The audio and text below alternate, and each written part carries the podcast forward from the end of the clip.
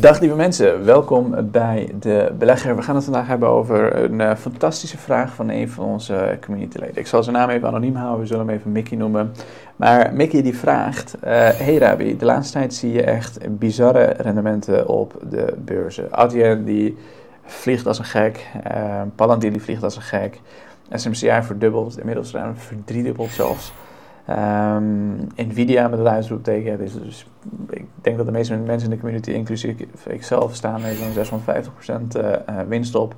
De gemiddelde, zeer fanatieke belegger zoals ik, zijn tijdens de hoge rente gaan inschalen. Na enkele jaren passief de beurs te volgen. Uh, na enkele jaren passief de beurs te volgen.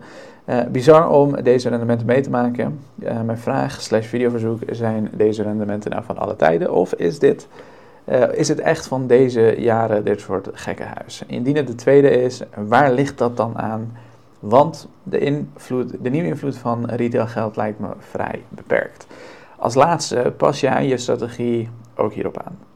Super bedankt, nooit spijt gehad om lid te worden en ik zal dat zeker weten blijven. Ik ben benieuwd naar je antwoord slash mogelijk video over jouw kijk op deze rendementen. Nou, dat is een fantastische vraag, Mickey, dus we gaan proberen het uh, te beantwoorden.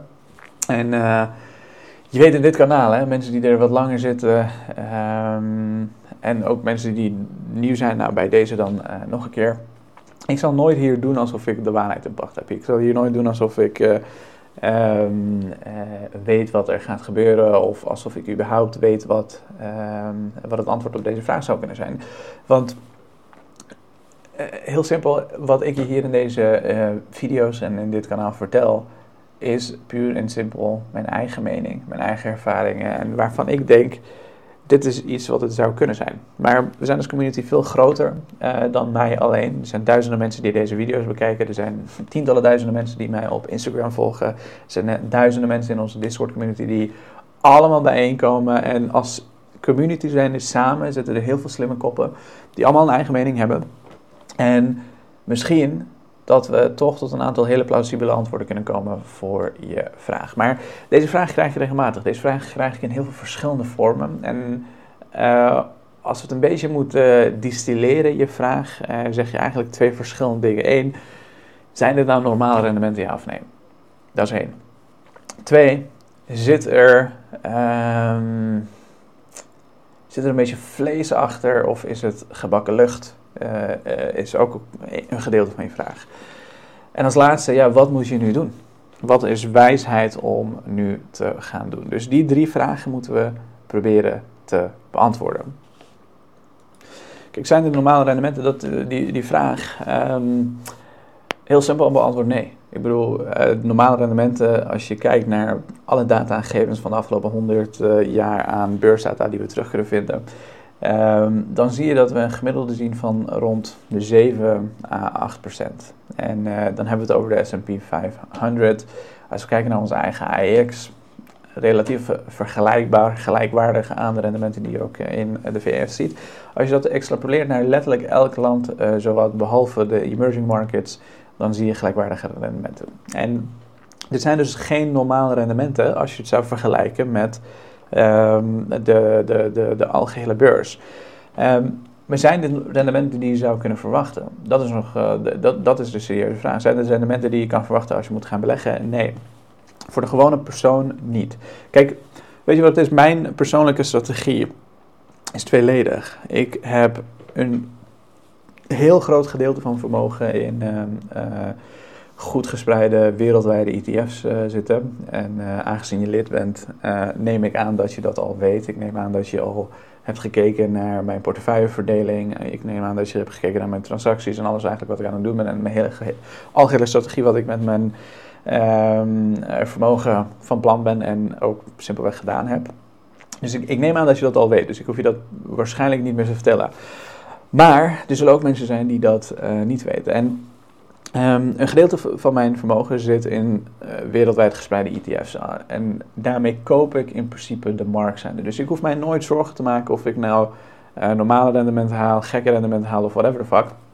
Dat maakt helemaal geen, geen donder uit voor dat gedeelte van mijn portefeuille. En dat gedeelte van mijn portefeuille is gelukkig, omdat ik al een tijdje aan het beleggen ben, zo groot dat ik in principe nu met pensioen ermee zou kunnen in een relatief jonge leeftijd, uh, als, als ik dat zou willen.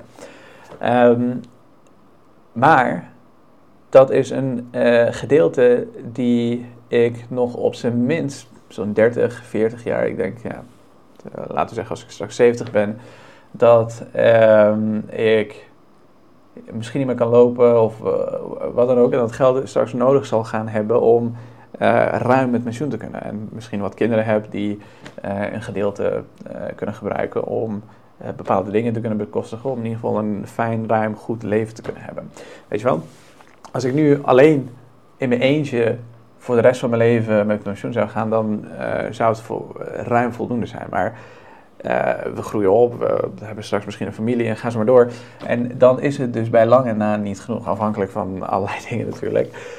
Um, dus eh, eh, het is maar hoe je er naar kijkt. Hè. Ik bedoel, dat gedeelte zit goed. Dat, daarmee zeg ik in principe, ik neem um, uh, genoegen met wat de markt mij te geven heeft. Want als de markt omhoog gaat, of dat nou 20% is of 1%, het maakt niet uit.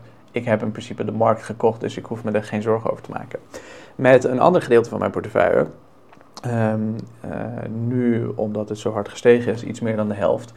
Um, ben ik vooral bezig met gekke rendementen halen. En dat betekent niet heel snel rijk worden of uh, whatever, maar in ieder geval het beter te kunnen doen dan de algehele markt. En in deze tijden zie je dat soort rendementen keihard terug. En is het normaal? Nee. Maar is het de bedoeling dat het niet normaal is? Ja. En uh, uh, je had het net over de, de tijden van hoge rentes, als je daarin hebt opgeschaald. Nou, je hebt gezien dat ik zelf ook ontzettend veel bij heb gekocht in 2022, toen de beurzen gigantisch gekelderd waren. Toen heel veel mensen niet meer geloofden in beleggen. Toen heel veel mensen twijfelden aan hun beleggingen, twijfelden aan mij, twijfelden aan de beurs, twijfelden aan alles.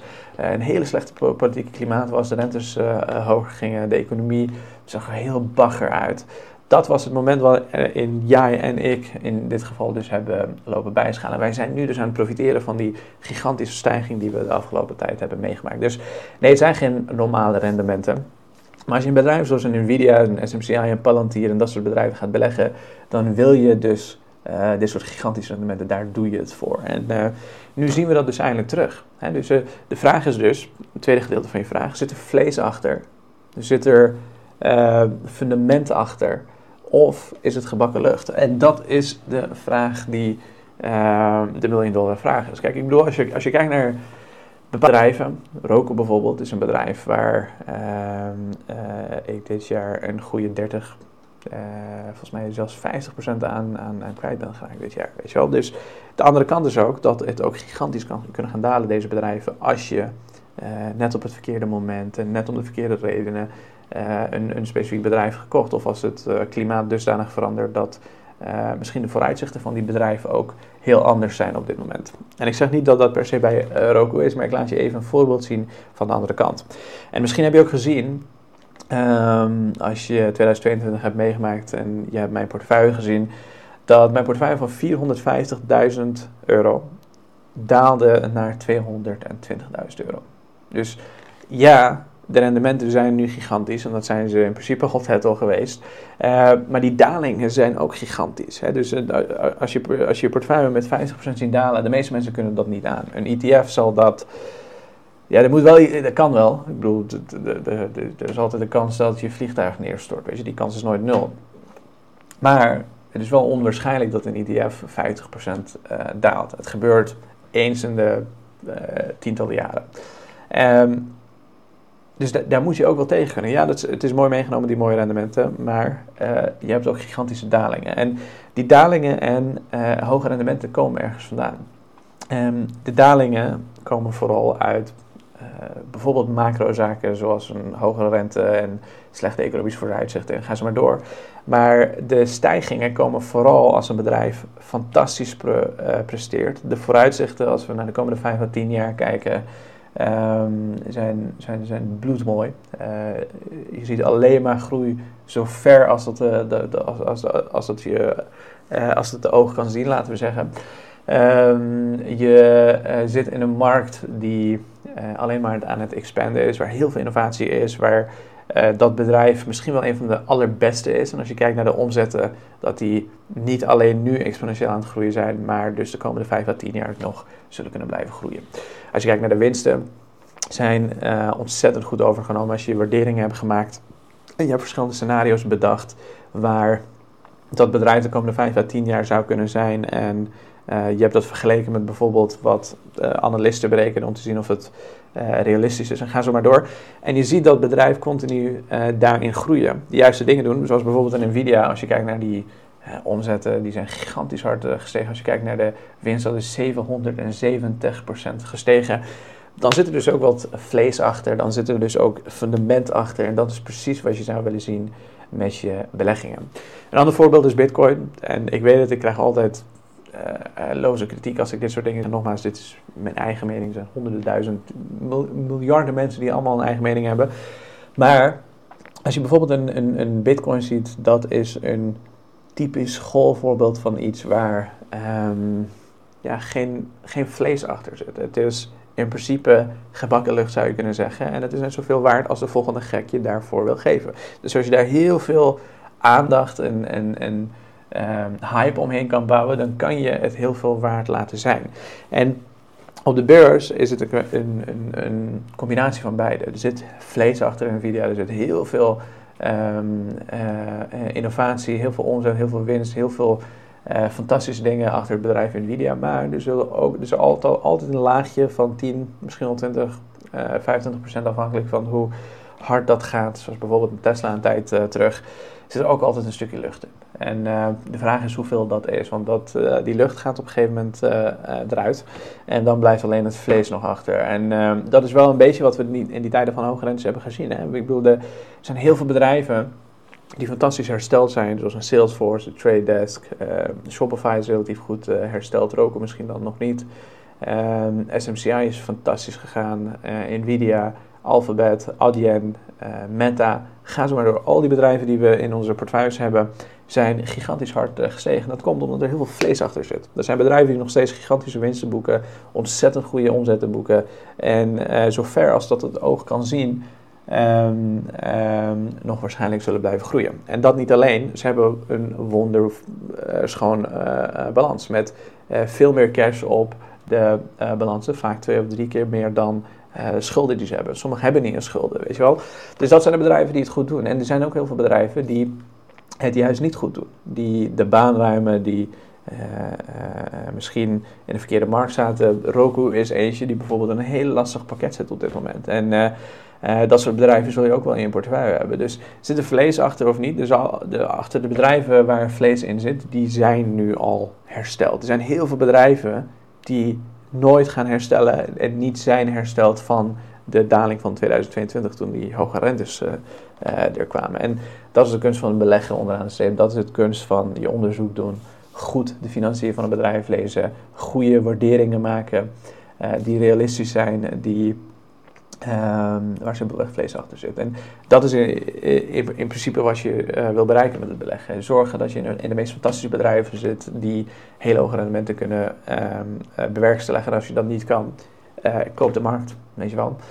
Dus ik hoop dat het een beetje je vraag uh, uh, beantwoordt. Uh, er zit altijd een stukje gebakken lucht in, eh, maar bij de meeste bedrijven zoals Nvidia, SMCI en ga zo maar door, ehm, ja, daar, daar zitten we gewoon in, in een transitie van datacenters die um, een hele lange periode zou gaan duren. Als je naar de meeste analisten kijkt, denken de meeste analisten zelfs dat de komende drie jaar een monopolie gaat zijn voor een bedrijf als Nvidia, weet je wel. Dus, dus dat. En wat nu... Um, ja, weet je, voor mij, ik heb een hele simpele, simpele strategie. En nogmaals, zoals ik zeg, uh, iedereen belegt om heel veel verschillende redenen. Iedereen heeft een eigen strategie, iedereen heeft een eigen uh, doel. Uh, ik heb mensen gesproken die uit de schulden willen komen door uh, te gaan beleggen. Ik heb mensen gesproken die ehm, voor een droomreis aan het beleggen zijn. Ik heb mensen gesproken die voor een zwembad in hun uh, nieuwe huis aan het uh, uh, beleggen zijn. Ik heb mensen gesproken die voor een pensioen aan het beleggen zijn. Iedereen belegt om verschillende redenen. Dus wat nu is een hele persoonlijke vraag. Voor mij is het heel simpel. Ik doe in tijden waarin de beurs hoog staat relatief weinig, behalve dan heel veel tijd besteden om de allerbeste bedrijven eruit te zoeken die ik tegen een, bepaalde waardering zou willen kopen of aan mijn portefeuille toevoegen. Als de beurs hoog staat zoals nu.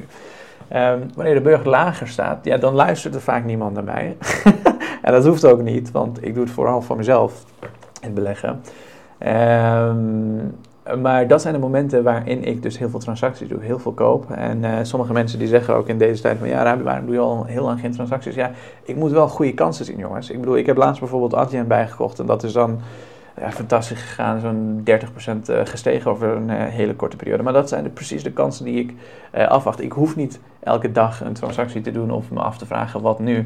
Ik hoef alleen te zorgen dat ik de allerbeste bedrijven tegen een relatief oké prijs kan kopen. En of dat vandaag is of over, of over vijf jaar, dat maakt me geen bal uit. Zodra die kans zich voordoet. Um, zal ik hem daar, zelf wel grijpen. Dus kijk, ik kan dat niet voor jou bepalen wat nu. Uh, ik weet de reden niet uh, waarom jij belegt. Kijk, eh, in principe als jij tevreden bent met je winst, je hebt je doel bereikt, of dat nou een droomhuis is, een, een, een je kan morgen met pensioen of een schuld afbetalen of iets dergelijks. Ik zou zeggen, verkoop hem. Weet je, doe, doe je ding. als jij daar tevreden mee bent, als jij je doel hebt bereikt, doe dat dan ook. Um, voor mij persoonlijk is het puur de waardering, de cijfers, het bedrijf zelf en als er iets daadwerkelijk aan het fundament van het bedrijf verandert. Want ik doe dit voor de komende decennia, uh, totdat ik uh, ruim met pensioen ga, misschien zelfs dan nog steeds aan het, uh, aan het beleggen ben. Um, ja, ik hoop dat het een beetje je vraag beantwoordt. Ehm, ik maak er even een korte video van en ik zie je misschien wel bij de volgende terug.